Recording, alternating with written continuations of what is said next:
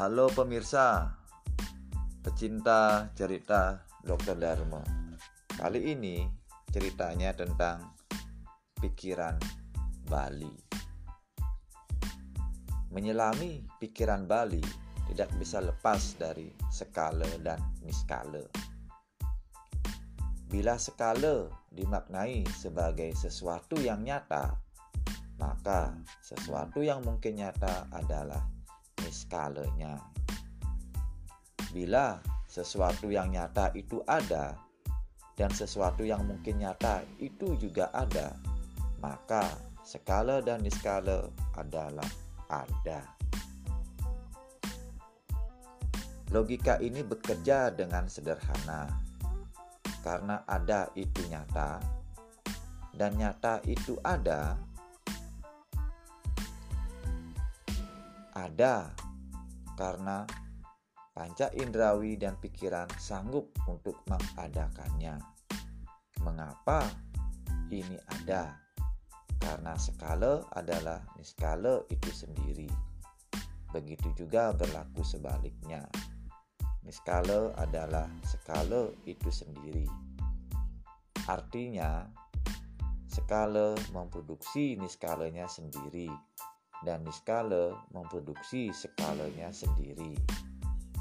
Pemirsa, inilah pikiran Bali. Pikiran yang ada sebelum materi itu ada. Untuk memudahkannya, Mari kita contohkan saja. Ikonografi skala niskala relatif mudah kita amati karena sudah melekat di dalam kehidupan sehari-hari. Misal, rumah sakit adalah dunia skala, maka niskalanya adalah Pura Tambe Waras yang ada di Kabupaten Tabanan. Tambe bisa dimaknai obat, sedangkan waras dimaknai sehat. Lebih detailnya, kita contohkan yang ada di Kabupaten Buleleng.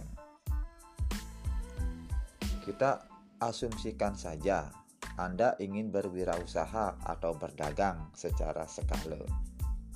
Untuk itu, Anda harus mendaftarkan diri anda sebagai pedagang di pura pemutaran sebagai niskalanya. Setelah itu, Anda mengurus dokumen-dokumen berdagang seperti surat izin usaha perdagangan. Untuk itu, Anda mesti berdoa di pura Pulaki.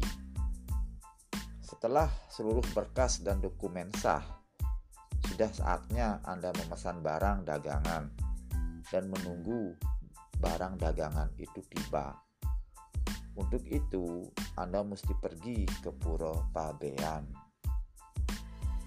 Setelah barang dagangan diperoleh, Anda harus melegalkan barang tersebut, seperti mencari izin BPOM, Dinas Kesehatan, dan lainnya di Puro Kertekawat.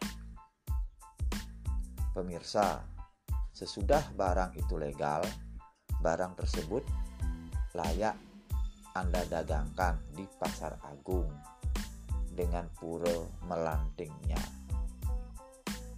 Contoh di atas sangat rasional dan ilmiah. Mengapa? Karena dimensi skala dan dimensi niskala bekerja beriringan. Apa yang ada di dimensi skala ada di dimensi niskala. Begitu juga berlaku sebaliknya. Apa arti semua ini? Artinya, kosmologi pikiran Bali adalah keseimbangan. Seimbang di antara skala dan niskala. Pikiran inilah yang membawa Bali hingga wujudnya yang sekarang ini pikiran yang mendulum sisi kiri dan sisi kanan untuk menjaga titik keselarasannya yang baru. Titik yang membawa pikiran tiba pada kenyamanannya. titik yang berpusat dan bertumpu di tengah-tengah dalam menjaga kutub negatif dan kutub positif agar pikiran Bali senantiasa terang benderang. Itulah cerita pikiran Bali. Mudah-mudahan bisa dipahami. Sampai jumpa di cerita Dr. Dharma lainnya. Terima kasih.